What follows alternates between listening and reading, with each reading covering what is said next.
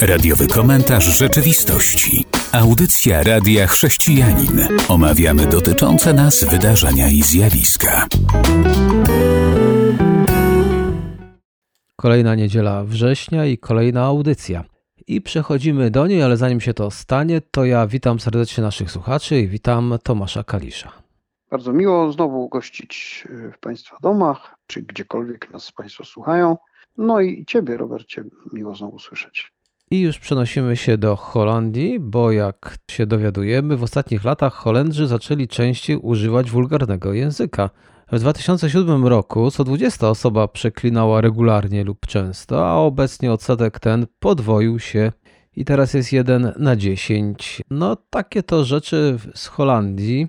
Czy rzeczywiście przeklinanie, wulgaryzmy daje się też w Polsce słyszeć coraz częściej? No, myślę, że jakby zrobiono w Polsce badania, wynik byłby chyba gorszy. Problem chyba jest y, poważniejszy. Y, przypominam sobie, jak regularnie y, jeżdżąc na zajęcia, na szkoły czy na uczelnie przed wieloma, wieloma laty korzystałem z komunikacji miejskiej, to oprócz jakichś wyjątkowych sytuacji, gdy pojawiał się może ktoś nietrzeźwy lub, lub, lub nagle zahamował autobus, to z ust co niektórych pasażerów można było usłyszeć jakieś, jakieś drastyczniejsze słowo, ale rzadko kiedy wulgaryzm. A teraz jadąc sobie spokojnie do miasta autobusem i przysłuchując się rozmowom uczestników tej, tej podróży, niestety w, w zwykłych konwersacjach, na przykład przez telefon, często młode osoby używają wulgaryzmów po prostu jako przerywnika. Język tak debaty publicznej, jak i, jak i zwykłych ludzkich konwersacji coraz bardziej nasyca się agresją, ale i właśnie wulgaryzmami. No, bardzo to smutna refleksja, bo coś niedobrego się dzieje po prostu z obyczajami. No, ale to, gdzie tego szukać, przy, przyczyn tego? No, no, języka uczymy się od najbliższych w domu, później w gronie rówieśników, na podwórku, w szkole. No i wszędzie tam im więcej będzie się pojawiać e, słów nieprzyzwoitych, wulgarnych, no to będą wchodziły do, do, do słownika użytkowników. Także nie zwalając na, na jakieś większe autorytety, zacznijmy pilnować, jakim językiem posługujemy się w rozmowach, a szczególnie jakiego języka słuchają nasze dzieci, bo takim będą mówić w przyszłości jako osoby dorosłe. I tutaj z tych badań wynika, że w Holandii, bo mówimy o Holandii, ale pewnie podobnie jest w Polsce, że młodzi ludzie przeklinają częściej niż osoby starsze. I tutaj pada pytanie, co to mówi o przyszłości. No, o przyszłości mówi to, że będą i starsi, jak ci młodzi dorosną, również objęci ankietą, że przeklinają, chyba że zmądrzeją. A tutaj jeszcze na koniec ciekawostka, bo w Holandii uwzględniono nadużywanie imienia Bożego, czyli tzw. Tak religijnych zwrotów przy przeklinaniu, i to jest oczywiście znacznie rzadziej ale jednak też obecne. W Polsce też zauważyłem, zamiast ktoś powiedzieć jakieś słowo świeckie, które jest wulgaryzmem, to wstawia Jezus, Maria, więc jak widać naród polski jest religijny, tylko że słownictwo w niewłaściwym momencie religijne jest używane. Ale ciekawostka, bo w jednej z audycji rok temu mówiliśmy, większość holenderskich książek dla dzieci, 64%, zawiera wulgarny język. To był właśnie ten temat. Do takiego wniosku doszła Unia Holenderska przeciwko przeklinaniu, coś takiego tam jest. Oni to zbadali, te książki. To jeżeli to było rok temu, a dzieci mają już wulgaryzmy w książkach, no to co tu się dziwić, że dzieci, później młodzież, a w książkach dla dorosłych pewnie już tego jest dosyć dużo no to niebezpieczne zjawisko niedoceniania tego, jak, jaką wagę ma język, komunikacja, wypowiadane słowa, ale też obecność jakichś negatywnych emocji. Pewnie żyjąc w świecie, y, gdzie jest większy zalew informacji, y, większa presja w różnych sferach życia, y, pojawia się więcej stresu i te emocje gdzieś, gdzieś się rozładowują. No najszybciej, najłatwiej to robić w języku, ale no, język potrafi podpalać, tak? Jak ogień. Także Tak. należy y, jak najszybciej y, zacząć zwracać uwagę na to, jakim językiem się posługujemy i co chcemy w ten sposób wyrazić. Czyli więcej, więcej opanowania, więcej szacunku, a rozładowywać emocje należy w inny, bardziej cywilizowany sposób. A teraz przenosimy się do Danii, bo jak się dowiedziałem, Duńczycy chcą również zakazać palenia Biblii, bo nie tak dawno wspominaliśmy o tym, jak to wiele zamieszania było po spaleniu Koranu i później szyiccy muzułmanie protestowali przeciwko jego spaleniu przed meczetem w Sztokholmie.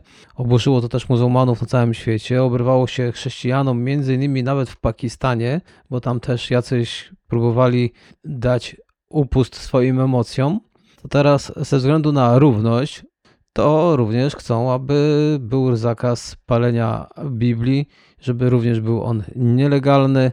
No jeżeli przejdzie przez proces legislacyjny, to coś takiego będzie. A taka jest opinia większości Duńczyków, jak pokazuje pewna ankieta, bo 70% wskazało, że zakaz palenia powinien obowiązywać także w przypadku innych pism religijnych. To jak równość, to równość, prawda? Prawo na pewno powinno traktować e, takie zjawiska w sposób spójny i konsekwentny, no i oczywiście równy. Natomiast no już wyrażaliśmy to w, w poprzednich naszych dyskusjach, no wątpliwość co do w ogóle samego podejścia do tej kwestii, bo e, no, wolność słowa, wolność wyrażania e, jakichś poglądów jest jedną z podstawowych, elementarnych e, zasad cywilizacji demokratycznej, a z drugiej strony no, kultura, jakaś szacunek dla, dla, dzieł, dla dzieł tej cywilizacji, jakim są na przykład książki, no, powinna raczej powstrzymywać nas od takich form ekspresji. A jeżeli wprowadzi się przepis o tym, żeby zabraniać y, czy ścigać, y, y, penalizować palenie ksiąg religijnych, to pytam się, kto będzie decydował, która księga jest religijna, a która nie jest, no bo, bo tutaj wachlarz poglądów religijnych i, i różnych świętych ksiąg jest bardzo szeroki. No nie, nie do pozazdroszczenia jest to dla wymiaru sprawiedliwości taka sytuacja. Także mam tutaj bardzo mieszane uczucia. Raczej bym apelował, by wyrażać swoje poglądy w bardziej konwencjonalny i cywilizowany sposób niż palenie jakichkolwiek dzieł kultury, cywilizacji, religii itd. A teraz zapraszam do wysłuchania utworu muzycznego. Po przerwie będziemy w Polsce. Witam w drugiej części audycji. Tak jak wspomniałem, zaglądamy, co dzieje się w Polsce, a tu się okazuje, że w Krakowie odbędzie się 13. Zgromadzenie Ogólne Światowej Federacji Luterańskiej. Temat przewodni zgromadzenia brzmi jedno ciało, jeden duch, jedna nadzieja, a głównym mówcą, podkreślam, zgromadzenia Federacji Luterańskiej będzie rzymskokatolicki teolog z Czech Tomasz Halik. No to bym powiedział e, rzeczywiście zgromadzenie luterańskie, a główny mówca teolog rzymskokatolicki.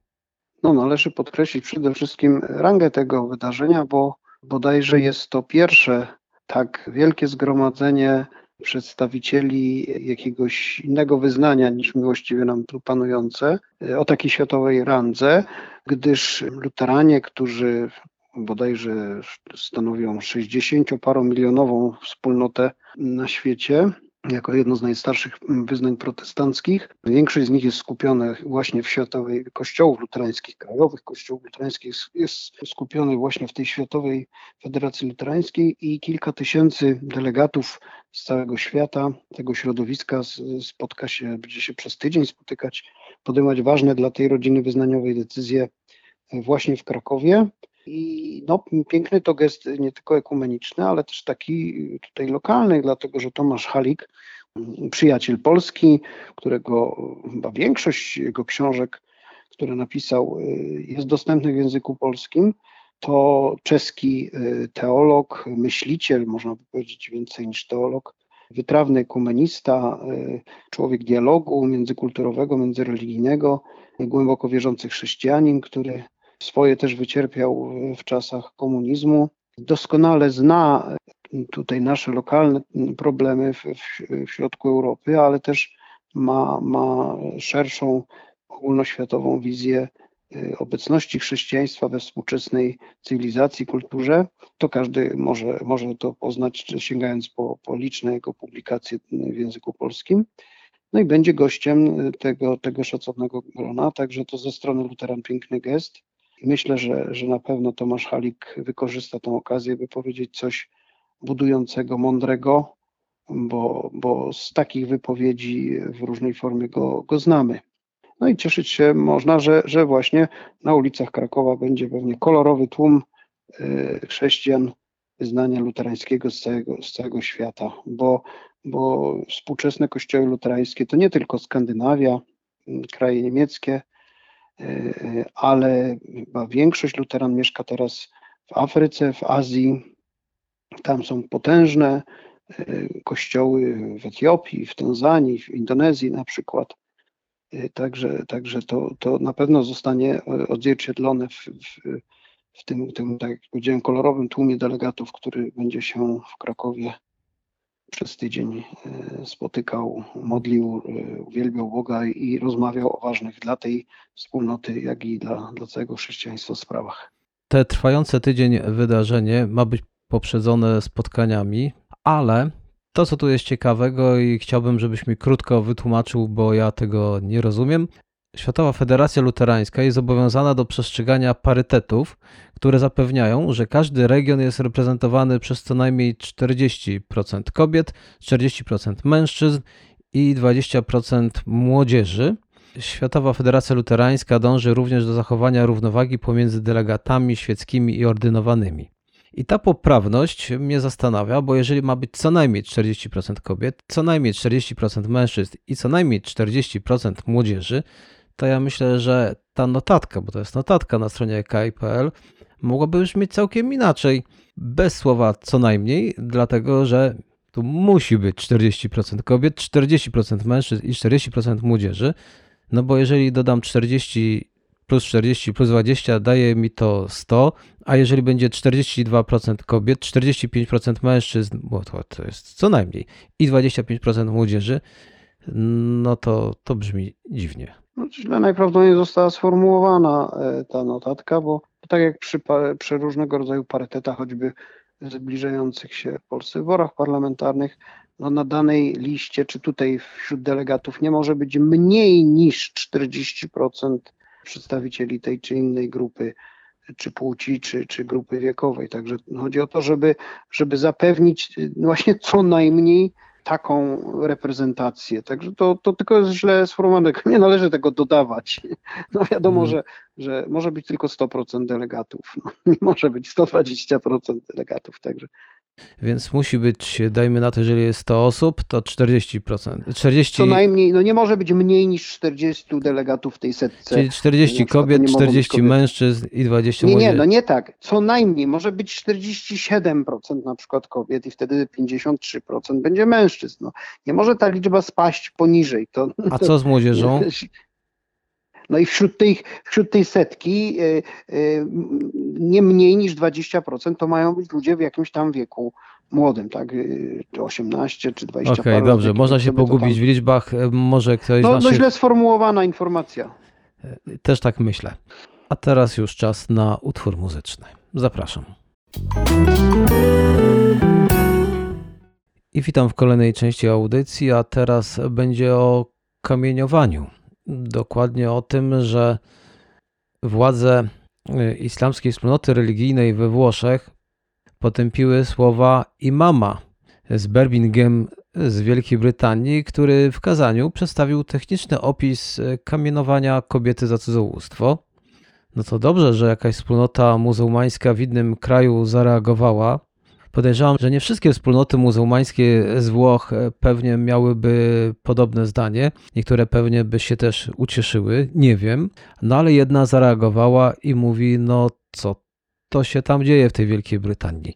To ja powiem, takie kazanie w piątek w meczecie usłyszeć, a potem to nagranie trafia do sieci, to chyba władza powinna się zainteresować, bo w kraju niby takim jakby to powiedzieć, gdzie wolność religijna panuje, jakieś prawo jest, a tu w ośrodkach publicznych uczy się takich rzeczy. Na pewno trzeba na to reagować, bo, bo przejawy fundamentalizmu religijnego i, i literalnego od, odczytywania y, y, jakichś zamierzchłych nakazów religijnych, które nie, nie licują y, w dobie dzisiejszej z, z pewnymi standardami traktowania ludzi, na których ciąży nawet jakieś, jakieś przestępstwo, no powinny być na pewno napiętnowane, bo mogą no, co niektórych zachęcać i jak widać zresztą w różnych miejscach na świecie, zachęcają do, do, do czynów niecnych, wręcz zbrodniczych.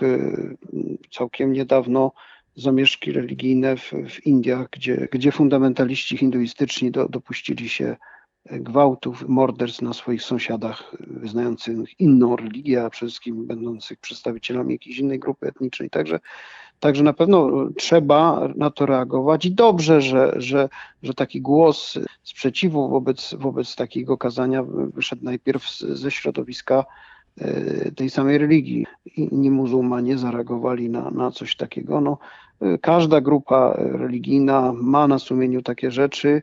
W przypadku kamienowania, no to jest odwoływanie się do, do, do przepisów religijnych obecnych w Koranie, ale zaczerpniętych przecież ze Starego Testamentu. Także Także tutaj trzeba pamiętać, że, że takie warstwy i takie tematy przewijają się w różnych środowiskach religijnych i trzeba, trzeba pilnować, by no nie, nie stawały się formą egzekwowania jakiejś takiej czy innej moralności czy, czy, czy, czy prawa religijnego.